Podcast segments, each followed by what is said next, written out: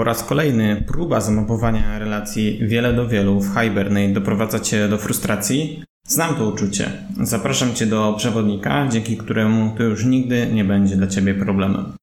Po pierwsze zacznijmy od podstaw. Czym w ogóle jest relacja wiele do wielu?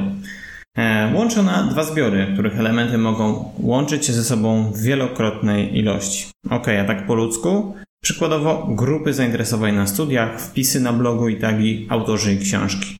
Każda z tych par może występować w wielu konfiguracjach.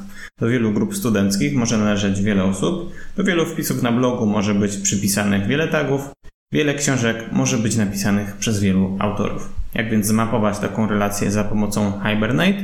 Już tłumaczę.